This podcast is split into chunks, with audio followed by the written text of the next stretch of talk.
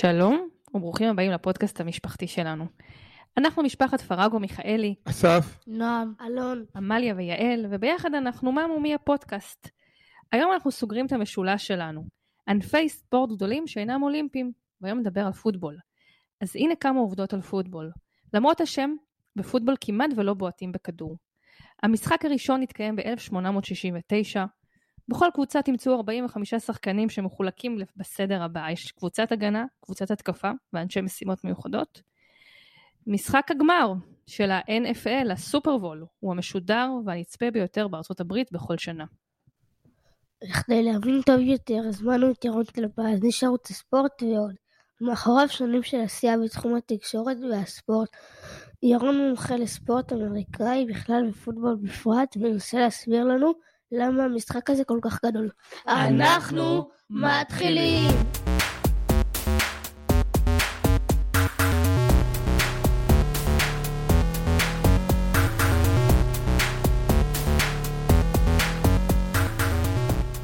שלום וברוך הבא, ירון טלפז. אהלן, תודה חברים אה, שאתם מארחים אותי. אז שאלה ראשונה גם מקובל אצלנו, תציג את עצמך למאזינים.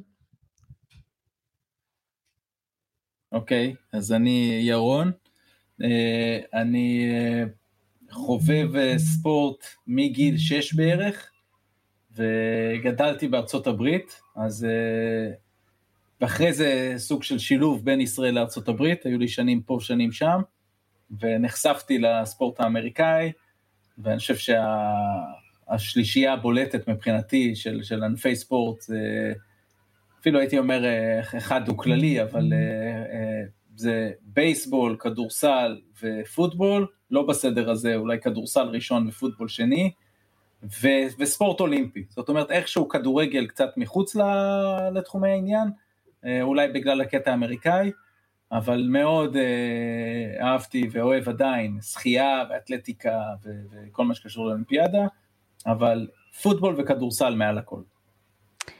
אז, אז מה בעצם עושים במשחק הזה, פוטבול, ומה החוקים בגדול?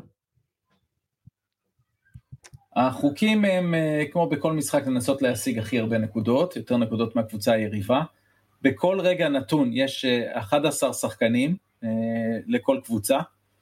בפוטבול, בניגוד לרוב הענפים שאנחנו מכירים, יש חלוקה ברורה, שוב, זה ברמה המקצוענית, אם אנחנו היינו משחקים בעצמנו זה אחרת, בין שחקני התקפה לשחקני הגנה. יש מקרים מאוד נדירים של שחקן שהוא גם פה וגם פה, היו כמה כאלה, כוכבי על ממש, אבל יש מומחי הגנה, יש מומחי התקפה, וגם בתוך ההתקפה וההגנה יש חלוקה ברורה מאוד אה, לתפקידים. החוקים הם שאתה צריך לקחת את הכדור ולהגיע איתו לצד השני. יש אה, שטח של קו מסוים שאתה צריך לעבור, וזה נקרא ה-end zone, ואתה, המטרה שלך להגיע לשם, ואם אתה מגיע לשם זה נקרא touchdown. touchdown שווה 6 נקודות, אחרי touchdown אתה, יש לך זכות להחליט אם אתה עושה מה שנקרא extra point, ואז זה בעיטה יחסית מטווח קרוב, אה, שמקנה עוד נקודה, לכן רוב הטאצ'דאונס בסופו של דבר שווים 7 נקודות, אבל יש גם אופציה ללכת על שתי נקודות, ואז אתה כאילו מנסה לייצר מהלך נוסף מקו השני יארד, תכף אני אסביר מה זה יארד, אה, שאם נכנסים זה שווה שתי נקודות, ואז לפעמים אם קבוצה נמצאת בפיגור של 8, היא יכולה לעשות טאצ'דאון, ואז ללכת על ה-2 point conversion קוראים לזה, ואז לעשות 8. חוץ מזה אפשר לעשות גם נקודות מבעיטה, אה, בעיטת שדה ששווה שלוש נקודות. יש עוד אה, אופציה של סייפטי, לא ניכנס לזה, שזה שווה שתי נקודות, ובגדול זו המטרה להשיג כמה שיותר נקודות. אני אגיד רק עוד דבר אחד, שבניגוד לרגבי, ששם אה, יש יותר בלאגן נקרא לזה במשחק, ו... ותנודות כדור, התקפה, הגנה, רצים, ו... וכולם רק מנסים להגיע לצד השני, בפוטבול יש משהו מאוד סכמטי. אה, אתה כל פעם, המטרה שלך הקרובה היא לנסות להשיג עשרה יארד. אגב, למה יארד זה השיטה האמריקאית של מדידת מרחקים, בניגוד לשיטה המטרית שאנחנו מכירים, יארד זה 90 סנטימטר, אז זה די דומה למטר. והמגרש מחולק כמו גריד לקווים, למאה קווים, יש מ-0 עד 50, ואז מ-50 יורד עד 0, וכל פעם יש לקבוצה שלושה ניסיונות להשיג עשרה יארד. אם היא מצליחה, היא מקבלת עוד שלושה ניסיונות.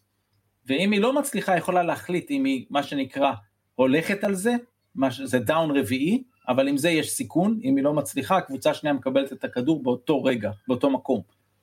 אם היא כן מצליחה, אז היא מקבלת עוד שלושה ניסיונות, ועוד אופציה שלה, אם היא לא רוצה לעשות את הניסיון הרביעי, היא פשוט בועטת לא בעיטה בשביל להשיג נקודות, אלא בעיטת הרחקה קוראים לזה, פאנט, שכדי שהקבוצה השנייה לפחות תתחיל עמוק בשטח שלה. אני חושבת שכבר בפתיחה של הפרק אתה שינית לי כבר משהו אחד לגבי מה שאני חושבת על המשחק הזה, שהוא עם הרבה יותר מחשבה ממה שחשבתי לפני שהתחלנו לשוחח לפני כמה דקות. אז אני שמח כי המסר הכי חשוב לגבי המשחק הזה, אתם אולי תופתעו, מדובר במשחק הכי חכם שקיים, ובפער שאני אפילו לא יכול לתאר אותו. זאת אומרת, המשחק הזה הוא שח, הוא שח, הוא, הוא ברמה של שח, יש 600 מהלכים לכל קבוצה, ולכן צוות מאמנים היום בליגה זה מאמן ראשי ומשהו כמו עוד 15 מאמני ביניים. אני פעם כתבתי במעריב לנוער, כשאני הייתי יותר צעיר, ומעריב לנוער, אני, אני לא יודע אם עוד יש את זה היום, אה, עשיתי עמוד, עשיתי עמוד שלם על פוטבול, וממש באתי ואמרתי, זה צבא. יש רמטכ"ל, ויש מפ... אה, אה, אלוף פיקוד, ואז יש בסוף עד לרמת המ"פ. ו... וזה התהליך, ו... וזה גם נכון שזה צבא, כי יש צוות שנמצא בגובה הדשא, ויש צוות שמסתכל למעלה, כמו טאצות שיש בצבא. זאת אומרת, כי אם מסתכלים מלמעלה זה כמו שח, ובסוף יש תפקיד אחד מאוד מרכזי, הוא נקרא הקווטרבק. הקווטרבק זה הבן אדם שמקבל את הכדור כל פעם בהתחלה, והוא מחליט מה עושים איתו, האם רצים על הקרקע, האם הוא בעצמו רץ, האם הוא נותן למישהו לרוץ, האם הוא מוסר, ואם הוא מוסר, למי הוא מוסר. כשבכל הזמן שהוא מחליט את זה, יש חבורה של לפחות ארבעה אנשים שכל המטרה שלהם זה להגיע אליו ולהפיל אותו. אז, אז בתוך, יש לו בדרך כלל בין שתי שניות לשמונה שניות לקבל החלטה, כי בזמן הזה כבר סוגרים עליו, יגיעו אליו אנשים ולא יהיה לו למי למסור. ולכן יש לקווטרבק בקסדה אוזניות, והוא לפני כל מהלך הוא מקבל מספר, ואומרים לו 13-4, והוא צריך לזכור או יש לו משהו ביד שהוא מסתכל ואומר מה זה 13-4, ומיד להעביר את זה בכמה שניות לכל השחקנים, למה? כי יש תרגיל, נניח, נניח היינו משחקים עכשיו אנחנו, אז אני הייתי אומר, הייתי אומר לך, תלכי את ימינה, ואחרי זה עוד פעם ימינה, ואני אמסור לך, איך שאת מתחילה לפנות אני כבר אמסור לך. ולך הייתי אומר, לך קדימה, תרוץ הכי רחוק שאתה יכול, הכי מהר. ויכול להיות שאני אמסור לך. ו- ופשוט תסתכל, אם זה מגיע, תפוס את זה. ועוד מישהו, תעשה משהו קצר, תסתובב מיד, כדי שיהיה לי אופציות. לפעמים אין לי זמן לזרוק רחוק, כי כבר באים אליי. ולפעמים אה, אה, אני חייב להיפטר מהר מהכדור, אז אני צריך כמה יעדים, וכל אחד צריך לדעת מה הוא צריך לרוץ במיוחד. האמת שרציתי באמת, גם אני קצת לדבר אולי על הנושא הזה של הקווטרבק, שהוא מרתק בפני עצמו, ואולי נגיע לזה יותר מאוחר, אבל בואו נחזור טיפה אחורה. המשחק הזה, איך הוא בעצם נוצר, ולמה דווקא בארצות הברית? הוא נוצר באמצע המאה ה-19, שנות ה-1850, 60, 70, שם הוא, אה, אה, והוא היה שילוב של רגבי וכדורגל, בגלל זה גם השם שלו הוא פוטבול, בהתחלה הוא היה עם כדור עגול, ואז הם הבינו ש... כי ברגבי הרי יש את האלמנט גם שאתה בועט, אז כן היה את הסיפור של הכדור העגול, אבל אז הם הבינו שהם אה, כן גם רוצים לייצר את האלמנט של לסחוב את הכדור עם היד ולהתקדם עם היד, וזה התפתח כמו הרבה משחקים, גם הכדורסל אגב, התפתח במערכת האוניברסיטאות בארצות הברית. אז זה הרבה באזור ה-Ivy League של הרווארד וייל ופרינסטון, ושם התחילו לשכלל את זה, ופתאום אמרו, רגע, בואו נעשה כל פעם, בניגוד לרגבי, שכל פעם עוצרים מהלך ומתחילים מנקודה מסוימת. ולזה קוראים הסנאפ. אז זה פשוט התחיל בארצות הברית. עכשיו, זה התחיל שם, ולמה זה נשאר שם, זו כבר שאלה אה, מאוד מעניינת, אני חושב שהכדורגל התפתח בינתיים במקומות אחרים בעולם. אה, היה משהו ב... אולי במשאבים שיש לאוניברסיטאות, להתחיל לבנות מגרשי פוטבול, וההבנה גם שצריך ציוד מיוחד לפוטבול, ו... ואני חושב שזה גם הסיבה שעד היום המשחק הוא פחות פופולרי ברחבי העולם, בטח אה, אה, ברמה של לשחק בבתי ספר, כי פשוט צריך את הציוד הזה, צריך את הקסדות, צריך את הכדור שהוא, בניגוד לכדור, אפילו כדורגל, אני יכול ללכת ולשחק איתו, אני יכול אפילו לזרוק אותו לסל, אני יכול לשחק איתו כדורעף קצת, אה, כדוריד, ופה אין את הדבר הזה, ובאיזשהו שלב בא מישהו עוד, עוד בסוף המאה ה-19 ועיצב את הכדור הזה האליפטי, כדי שיהיה אפשר גם לבעוט אותו וגם לזרוק אותו, אה, ולכן המשחק התפתח רק שם, ואני חושב שנשאר שם, כי הוא פשוט משחק שיותר יקר, אה, צריך את המגרשים, המרחבים האלה, וגם את הציוד. למה תמיד כשאומרים פוטבול חושבים על מכות? אה, כי יש בו אלימות, ויש בו מכות מאוד מאוד חזקות. אני עדיין חושב שרגבי משחק הרבה יותר קשוח, והרבה יותר אה, אה, אפילו נגיד אה, סוג של מסוכן, למרות שאני לא יודע אם זה נכון מבחינת פציעות. ואולי לא, לא בטוח, זאת אומרת, יש משהו ברגבי שהוא יותר בלגן, פחות מובנה, ואולי בגלל שכל הזמן ברגבי כולם סביב הכדור, או ש... ואין את האלמנט הזה של מסירה ברגבי, זאת אומרת, יש מישהו שפורץ ואז רודפים אחריו. הקטע המפחיד בפוטבול זה שיש את המסירה, ומישהו הולך לתפוס את הכדור והוא תופס אותו ואיך שהוא תופס אותו מישהו בא ממול ש, שמנסה לחטוף את המסירה הוא לא מספיק ואז הוא נכנס בו. כי יש בפוטבול את האלמנט של איך אתה עוצר מהלך על ידי זה שאתה מפיל שחקן. עכשיו ברמת הנוער, ילדים ונוער הם קוראים לזה פלאג פוטבול וזה בכלל לא אלים והדרך לעצור אה, שחקן היא פשוט למשוך באיזשהו דגל שמודבק לו למכנסיים. דגל זה אפילו לא דגל זה מין סרט כזה.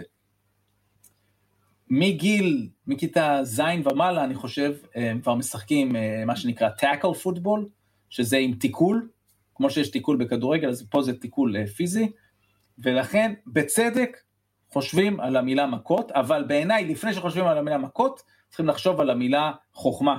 אה, בפוטבול, אסטרטגיה, זה שילוב שוב, שח, טקטיקו, כל המשחקים שאולי פעם היינו משחקים, אני לא יודע אם היום עוד משחקים אותם, אה, אבל כן, יש בעיה של אלימות, כי המכות מאוד מאוד חזקות, בש, בשנים האחרונות נעשה מאמץ גדול כל הזמן אה, לייצר עוד ועוד חוקים שישמרו על השחקנים. הם גם ענקיים כאלה עם הביגוד הזה, אז זה נראה כאילו... אז הביגוד, בדיוק, הוא מלא במגינים, מתחת לחולצה יש מגינים לכתפיים, לצלעות, יש את הקסדה, יש אה, לברכיים, למרפקים, ולכן הרבה מכות שבלי המגינים האלה היו בטוח שוברות אה, צלעות, עם המגינים האלה זה לא נגמר בשבירת צלעות, אבל אה, בגלל שיש פה, תכף נגיע גם אה, אה, לכמה כסף מתגלגל פה, אז באמת האתלטים הכי, האתלטים הכי טובים שיש בארצות הברית, אה, לפעמים בוחרים את המשחק הזה, ולכן יש אנשים ענקיים, כי, כי בסוף יש שני קווים, יש את הקו שמגן על הקווטרבק והקו שמנסה להגיע לקווטרבק. ושם זה מסה, שם זה כמו סומו. אם יש מישהו 150 קילו, גם אם, אם אני אבוא ואני אהיה הכי חזק בעולם, אה, אה, שרירים ואחוזי שומן מאוד קטנים, אבל אני רק 90, רק 90 קילו, 100 קילו, אין לי סיכוי להזיז את הבחור הזה של ה-150. אני יכול לנסות לעבור אותו במהירות, אבל החבר'ה האלה כל כך אה, מוכשרים, שהם גם 150 קילו והם גם, כמה שזה נשמע מופתיע, הם מהירים ברגליים. אני יכול לשחק פוטבול עם חברים שלי בשכונה כמו כדורגל? אתה יכול ואתה תהנה מאוד מאוד מאוד, אתה רק צריך את הכדור, ובגלל שאתה פה בארץ, רק לוודא שלפחות אחד או שניים מבינים את החוקים, וזה מאוד כיף לשחק. אני הייתי משחק את זה עם... Uh, גם בארצות הברית, אבל גם פה, עם, עם הבן שלי ועם חברים שלו פה מהשכונה בתל אביב אני גר, אה, צריך כדור שיש גם גרסאות אה, אה, ספוגיות של הכדור, ספוג קשה, זה נקרא נרף בול, ואתה תהיה הקורטרבק ותלמד אותם, שהנה, קחו איזה משטח דשא, צריך להגיע פשוט לצד השני, וכל פעם צריך להתקדם, או במהלכי ריצה או במסירה. בתור מי שקצת ניסה גם, עם החבר'ה שלו כשהיינו ילדים, זה מאוד כיף לשחק פוטבול, אה, וחשוב שקצת יבינו, ובאמת זה משחק מגניב, כי כולם עובדים בשביל מהלך אחד, וזה מאוד מאוד מייחד את המשחק הזה מדברים אחרים. נכון, ואז יש את המהלך האחד, וגם אם הוא לא מצליח אז יש עוד אחד, וכשמשחקים ברמה של ילדים, אז אפילו אם אין את הסרט הזה, אפשר להחליט שברגע שנגיד אתה שחקן הגנה, אתה נוגע בי עם שתי ידיים, אז אני, אז אני צריך לעצור במקום, ומשם ממשיכים. אז פשוט, ולכן כשאתה בעצם בא לשחק עם חברים, אתה צריך לבוא ולהגיד, אוקיי, זה אנחנו, אנחנו נגיד שלושה או ארבעה בקבוצה שלנו, ושם יש שלושה או ארבעה, אנחנו צריכים להגיע לשם, אתם צריכים להגיע לכאן, בדיוק כמו שאתה תסדר אה, גולים, שער, אה, ואז כל פעם לזכור שיש שלושה ניסיונות, נגיד, אתם תשחקו על מגרש קטן, לעשות טאצ'דאון, ואם לא מצליחים, אפילו אפשר אפילו להחליט ארבעה ניסיונות, אם לא מצליחים, הכדור של הקבוצה השנייה לא צריך את הבעיטה, אה, וככה לשחק, ולפעמים אתה תרוץ, תחשוב שנייה, אתה ארבעה מול ארבעה, עכשיו אסור להם לעבור את הקו שממנו אתם מתחילים את המהלך, אתה תופס את הכדור, אתה מתחיל לרוץ, תוך כמה זמן יתפסו אותך, אם אתה ממש מהיר, יכול להיות שאתה מיד עובר אותם, ואין אה, להם סיכוי לתפוס אותך, ואתה תעשה טאצ'דאון בקלות, ואז הם יבינו שהם צריכים להתמקד בך. ברגע שהם יתחילו להתמקד בך, שניים ילכו עליך, פתאום אתה תבין שאתה יכול למסור לאחד החברים. פתאום אחד החברים אתה תמסור לו, אתה תעשה הטעיה כאילו אתה רץ, ואתה פשוט תמסור לו. והוא יתפוס את זה, ואז הוא ירוץ לבד לטאצ'דאון. ואז הם יגידו, רגע, אני צריך לעצור אותו, ואז אתה תדע שאתה עוד פעם פנוי. ובעצם מכאן הכל מתחיל. והם, והם יגידו, רגע, נשאיר עליך שניים, נשים עליו מישהו, אז תמסור לבן אדם השלישי. אולי זה שפחות טוב, פחות תופס, אבל עדיין אתה תיתן לו את הכדור, אף אחד לא יהיה עליו, הוא יעשה טאצ'דאון גם. אז אה, ככה זה יתפתח, אתם תהנו. איך הפוטבול הפך להיות חלק כל כך חשוב בתרבות האמריקאית? כי אני חושב שבעצם כל אחד שעובר את המחסום של להבין את החוקים, מבין שזה משחק הספורט אולי הכי טוב שיש. הוא משלב הכל, הוא משלב אה, וירטואוזיות, ביצועים, אה, כישרון, אתלטיות, עם חוכמה, אסטרטגיה, הבנה, ואתה פשוט מקבל הרבה יותר ממה שאתה מקבל כשאתה צופה בכל משחק אחר. האמריקאים, בגלל שהם משחקים את זה וגדלו עם זה, אז הם כולם מחונכים ומכירים את המשחק. הם נהנים מזה, זה כבר הפך לחגיגה שם. אה, והם הם, הם נהנים לראות, זה איזשהו אה, מעגל כזה, והוא בפער גדול הענף הכי פופולרי, ספורט הכי פופולרי בארצות הברית. דיברנו קצת מקודם, אה, שאתה ייחסת את הנושא הזה של הציוד לסברה, למה זה לא כל כך פרץ את הגבולות של צפון אמריקה, ואני תוהה אם שאמריקה היום היא נורא, הכל נורא נורא גלובלי והכל נורא נורא זמין ואנשים טסים וקונים היום, הרי כמו שאני חושבת על זה נגיד ישראלים שהתחילו לעשות סקי. פעם, פעם היית יכול להגיד לי שזה נורא נורא יקר, אבל אתה יודע, מתגברים על הדברים האלה בעולם המודרני. שאלה אם אין פה משהו יותר אה, סינטימנטלי עם זה שזה לא פורץ, אה, אה. שזה לא רק אה, ציוד יקר. כן, הסיבה שהגלובליות לא עוזרת פה, הגלובליות עוזרת לזה שיש יותר אנשים שמבינים פוטבול בעולם. הגלובליות עדיין לא עוזרת לייצר במדינה קטנה כמו ישראל מגרשי פוטבול. שם בבתי ספר יסודיים, אם את נוסעת לא בערים הגדולות גדולות, אבל, אבל ממש ערי ביניים וערים קטנות, והרי ארה"ב מלאה בעיירות גם, בכל העיירות האלה, בכל בית ספר יסודי, יהיה, מגרש פוטבול, יהיה מגרש בייסבול, כי שטח יש שם. אבל הם ישימו מגרש פוטבול, הם ישימו, היום הם גם שמים מגרש כדורגל, מגרש בייסבול, פשוט ברחבי, אה, נקרא לזה, בעולם המערבי, אה, אין הרבה מדינות ענקיות עם מזג אוויר רוב הזמן נוח, אה, שיש להם את המרחבים האלו, ולכן הגלובליות לא מספיק עזרה. אבל איפה הגלובליות עזרה? שכן יש משחקים בלונדון עכשיו כל עונה, ומפוצצים, האצטדיון מלא. יביאו לפה משחק פוטבול אמיתי, האצטדיון יהיה מלא, אני בטוח. אני לא יודע אם באור זמן, אבל יש, הקהל שרואה הולך וגדל, ואולי, אולי בזכות הגלובליות והחשיפה של כולם להכל, אולי כן, בסופו של דבר, פתאום יבואו מספיק אנשים עם משאבים ויגידו, אוקיי, בוא נבנה עוד כמה מגרשים. פה יש בארץ כמה מגרשי פוטבול, אבל אין מספיק.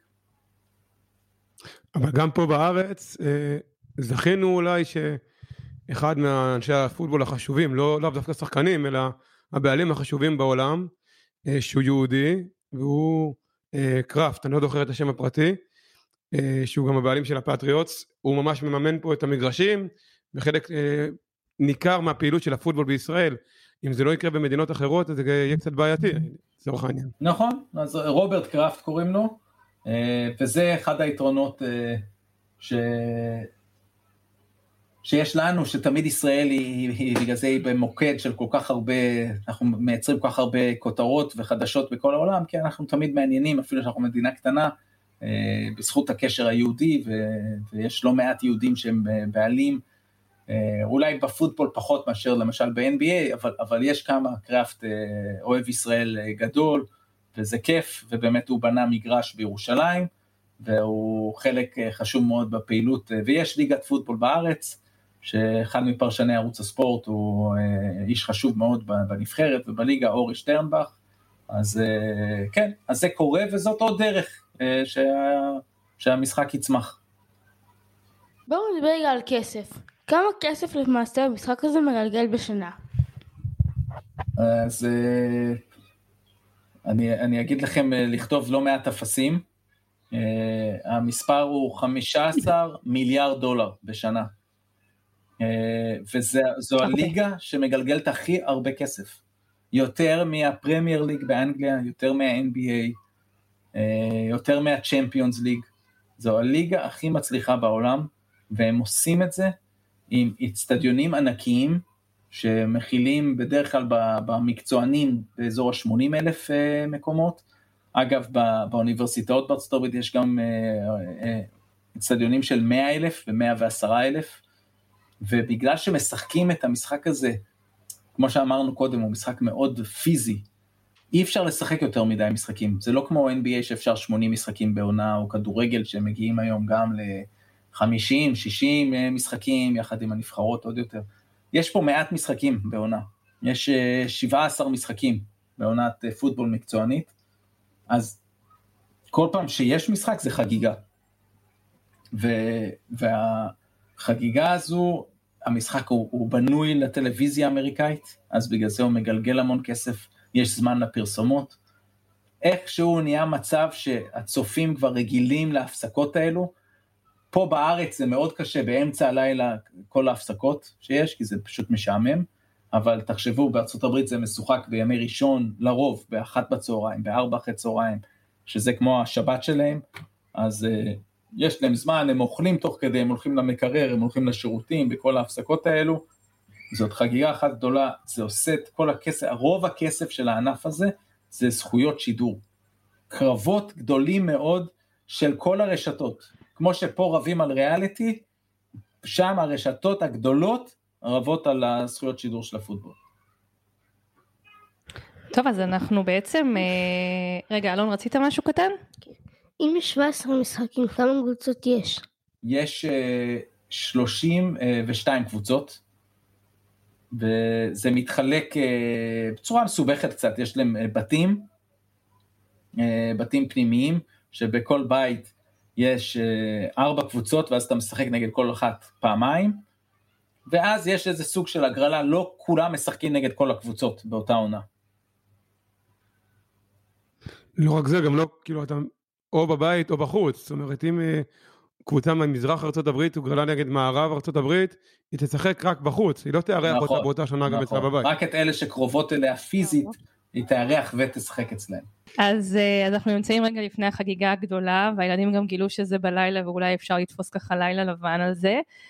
אה, אבל מה סוד הקסם שמייצר את הסיפורים האנושיים אחד אחרי השני? קודם כל בכל ספורט אני חושב שהסיפורים אה, עושים את זה. זאת אומרת, ברגע ששומעים את הסיפור שמאחורי אה, כל, כל אחד, אז אה, זה מביא את הקסם. אני חושב שעוד פעם, הקסם שיש בפוטבול הוא שאנשים בכל מיני גדלים יכולים להיות הכוכבים. ולפעמים יש את הקטן המהיר, שהקטן יכול להיות, אה, אה, כולם צריכים להיות חזקים, לא יעזור, זה אין, אין, חזקים ומהירים, אבל יש גם קטנים ורזים, יש מטר שבעים ומטר שישים וחמש, שהם אה, אה, מה שנקרא רצים אחוריים, הם מאוד חזקים, הם קטנים ומוצקים, מאוד קשה להפיל אותם, אה, ומצד שני יש את הקווטרבק, תום בריידי, שנדבר עליו, אבל הוא בן אדם שברמה האתלטית לא הייתם עוצרים ואומרים הוא בטוח ספורטאי, אה, כי הוא בתפקיד הקווטרבק, שהדבר הכי חשוב בתפקיד הקווטרבק זה מה שקורה פה, המהירות מחשבה ולקבל החלטות. וכן, הוא צריך יד חזקה ויד מדויקת ויד מוכשרת, אה, אבל אני חושב שהקסם הוא באמת שאנחנו מתחברים לכל כך הרבה סוגים של אנשים, ולפעמים יש את הענק המקסים. אז, ואני רואה, יוצא לי לראות פוטבול אה, בעיניים אה, פעם בכמה זמן, גם השנה יצא לי לראות, וכשאתה מגיע למגרש אתה רואה עוד פעם כמה הגדולים הם באמת גדולים, שזה מטורף לחשוב, אבל אז הם מתראיינים, ו, ו, ורואים שהם אה, באמת אנשים כמונו עם, עם אותם סיפורים ואותם דאגות. אני חושב שכל המרקם האנושי הזה הוא, הוא בונה את הסיפור. עכשיו דיברנו על תום בריידי, הזכרת אותו, והוא פרש השנה, והוא מי שקצת מכיר, הוא כנראה הגדול מכולם, הוא בטח נכנס לרשימה של מייקל ג'ורדן, פלה, מרדונה, בוא נגיד, בהכי גדולים. ואולי עוד שאלה לגבי קצת לדבר עליו, וגם אולי קצת להסביר מה קורה לנו כצופים, שהכדור הזה יוצא מהקווטרבק, של, מהיד של הקווטרבק, ועף את ה-30, 40, 50 יארד, עד לתוך השחקן שתופס אותו. זאת אומרת, מה, מה, עושה, מה זה הרגע הזה? מה הופך אותו בעצם לכל כך גדול? כן, יש, יש משהו, אה, אה, קודם כל ספציפית לגבי בריידי, הסיבה שהוא הגדול מכולם, אה, זה מתחיל בשבע אליפויות, הוא פשוט זכה בשבע אליפויות, אין אף שחקן בעידן הנוכחי של מאז שיש את הסופרבול, שהסופרבול הראשון היה ב-67, הסופרבול זה משחק הגמר הגדול, אז אין אף אחד שברמה אישית זכה בכל כך הרבה אליפויות, ונדבק אליו, ההצלחה הזאת נדבקה אליו שהוא... הוא הוכיח עוד יותר, הוא היה שש פעמים אלוף עם ניו אינגלנד, ואז הוא עבר קבוצה לקבוצה לא טובה, ואז זכה איתה באליפות. אז זה רק מוכיח שוב כמה הוא חשוב, וכמה הוא גדול, וכמה הקווטרבק חשוב. עכשיו לגבי השאלה של מה קורה לנו בראש כצופים כשהכדור אה, אה, נזרק באוויר, זה קצת כמו ב... זה איזשהו שילוב בין בעיטה חופשית נגיד, מ-30 מטר בכדורגל, בעיטה חשובה, שיש איזה שתי שניות עד שהיא מגיעה לשער, ובשתי שניות האלה, במיוחד אם הבעיטה נראית טוב, אז יש לנו כזה מין וואו שהולך ונבנה, ואז לראות האם זה נגמר בשער או לא. אז גם פה, רק שפה יש הרבה יותר את הרגעים האלה, וזה עוד, עוד משהו, האמריקאים, למה הם אוהבים את הפוטבול? הם, זה לא ה, ה, הטבע שלהם, אנשים יכולים להגיד שבייסבול הוא משחק משעמם, אבל הוא, הוא מפורק להמון המון חלקים. כדורגל יכול להיות משחק של 90 דקות 0-0 עם המון המון כדור באזור המרכז של המגרש. וקשה להם, זה לא, זה פשוט, אה, הם, הם לא מבינים מה, מה, מה, מה כולם אה, עושים פה. ובפוטבול, זה לרוב התוצאות יהיו 20 ומשהו, 20 ומשהו, זאת אומרת תמיד יהיו דברים, ויש המון את המסירות האלה, אז יש המון את הרגעים האלה של וואו וואו וואו, אוקיי, תפיסה, לפעמים וואו וואו וואו וחטיפת כדור.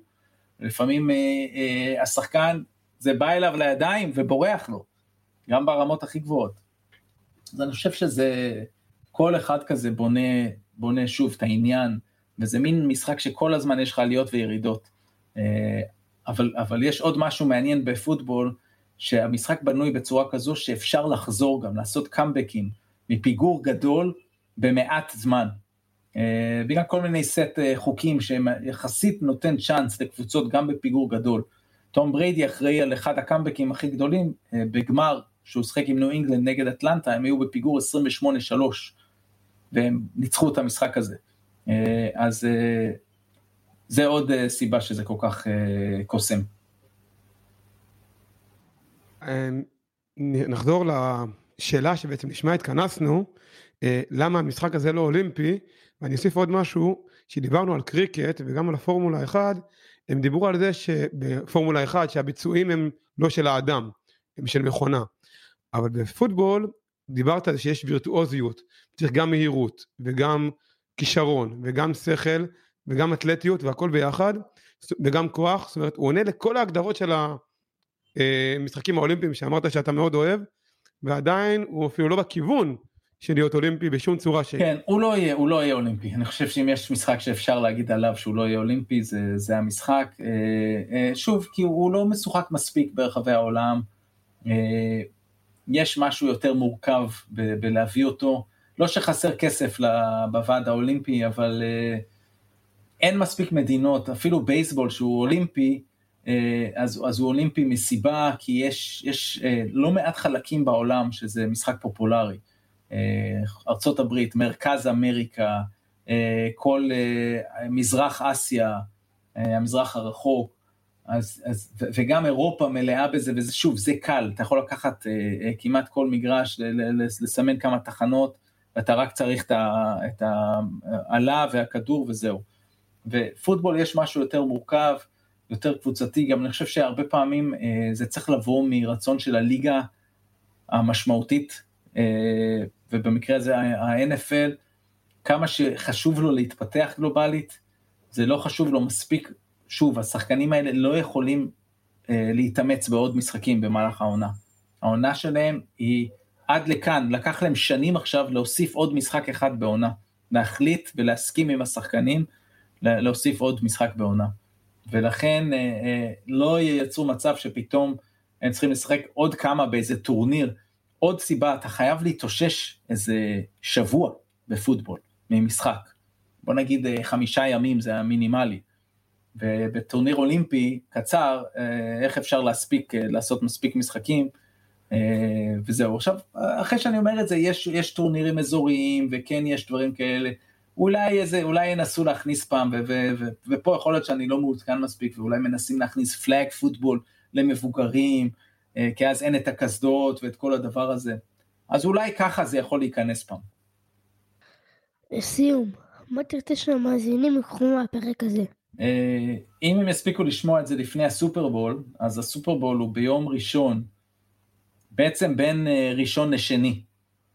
וכמה שהוא חגיגה גדולה, הוא משחק בעיניי לא אידיאלי למי שרוצה פעם ראשונה אה, לראות פוטבול, כי, כי שוב, אם אתה ישראלי, אז זה אומר שאתה עייף, אתה מתחיל לצפות באחת וחצי בלילה, וההופעת מחצית, שיש בה כל מיני זמרים, אה, ראפרים וכולי, היא יותר ארוכה, זאת אומרת המשחק הזה עוד יותר נהיה ארוך אה, בסופרבול, אז דווקא בעיניי בארץ קל להיכנס למשחק, כי יש רוב העונה, המשחקים הם ביום ראשון בשמונה בערב, שמה כדאי ללמוד, ו, ואז לבוא מוכנים לסופרבול. אה, ספציפית, אה, העונה הזו, הסופרבול הוא תמיד מעניין, גם כשיש קבוצות כאילו קטנות, כמו סינצינטי שהצליחה להגיע העונה הזו, והיא תשחק נגד לוס אנג'לס ראמס, שהיא קבוצה מעיר גדולה, לוס אנג'לס, אבל היא בעצמה לא קבוצה עם יותר מדי אה, הצלחות. אה, יש שם איצטדיון, יש שואו גדול, בטוח שווה או לראות את הסופרבול, או בבוקר למחרת לחפש את התקצירים, אה, ובערוץ הספורט אני חושב יש את כל הזכויות, אז הם יראו את הדברים האלו, אז שווה לראות ולנסות להתחיל לעקוב. אז נגיד לך תודה רבה ובהצלחה בשידור ביום ראשון הקרוב. תודה לכם. ונגיד תודה למאזינים, ונגיד תודה למרוז פלד על עריכת הסאונד, ואנחנו ממליצים לכם לעקוב אחרינו באפליקציות השונות. בהמלצה חמה לכל מי שיכול, שבו, תראו פוטבול, זה משחק אדיר. ביי ביי.